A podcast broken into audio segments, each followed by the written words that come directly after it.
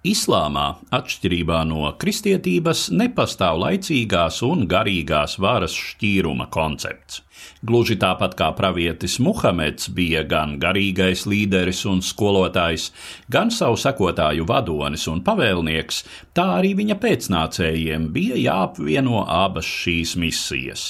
Tādā priekšstatā balstījās izpratne par kalifu, Muhameda varas turpinātāju un visu musulmaņu valdnieku un viņa valsti - kalifātu. Kalifāts radās 7. gadsimtā un pastāvēja līdz pat pagājušā gadsimta 20. gadiem. Tā beigas noteica Turcijas Republikas Nacionālās asamblējas lēmums par kalifāta likvidāciju 1924. gada 3. martā. Kalifi, kuri patiešām valdīja pār visu toreizējo musulmaņu pasauli, pastāvēja islāma pirmajos gadsimtos. Taču jau trešā kalifu dinastija, Abāsīdi, kuri nāca pie varas 750.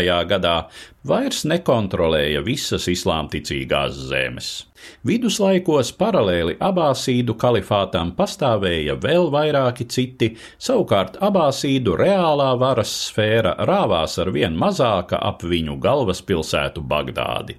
Tomēr arī faktiski neatkarīgie valdnieki tojos austrumos turpināja atzīt Bagdādes kalifu nominālo virsvaldību un garīgo autoritāti.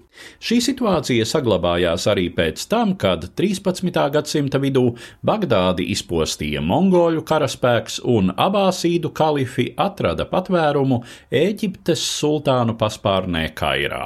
Savu statusu viņi zaudēja tikai 1517. gadā, kad Ēģipti iekaroja Osmaņu turku karaspēks.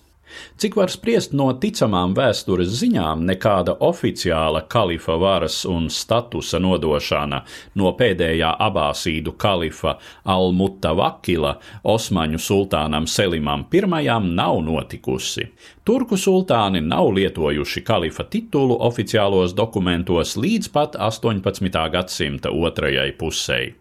Tiesa, tā kā līdz ar Ēģiptes sultanātu Osmaņu varā nonāca arī islāma sākotnes svētvietas Mekā un Medinā, viņus uzlūkoja par faktiskajiem Muhameda ticības aizstāvjiem. Pirmoreiz apritē Osmaņu kalifa tituls parādījās 1774. gadā Kučuk Kainārģas līgumā starp Turciju un Krieviju.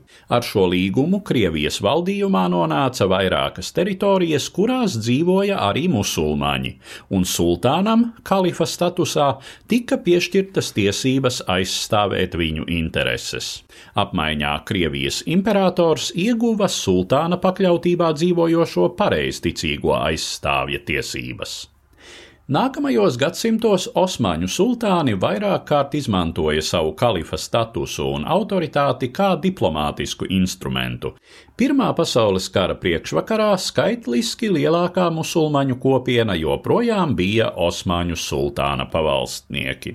Taču karš nesa sagrāvi impērijai, un Turcijas republikai, kura tapa uz tās drupām, kalifāts bija lieks.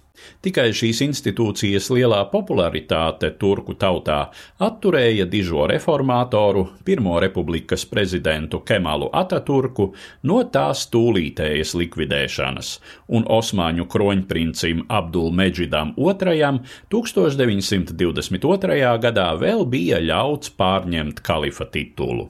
Visā islāma pasaulē pieņēmās spēkā diskusijas par to, vai kalifs, kuram laupīta praktiski jebkāda vara un tā tad arī iespējas ietekmēt pasaules musulmaņu situāciju, vispār atbilst kalifāta idejai.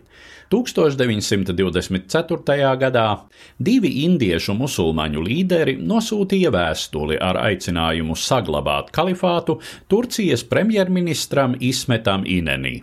To Turcijas republika uztvēra kā iejaukšanos savās iekšējās lietās un nacionālās drošības apdraudējumu, un sekoja minētais lēmums par kalifāta likvidēšanu.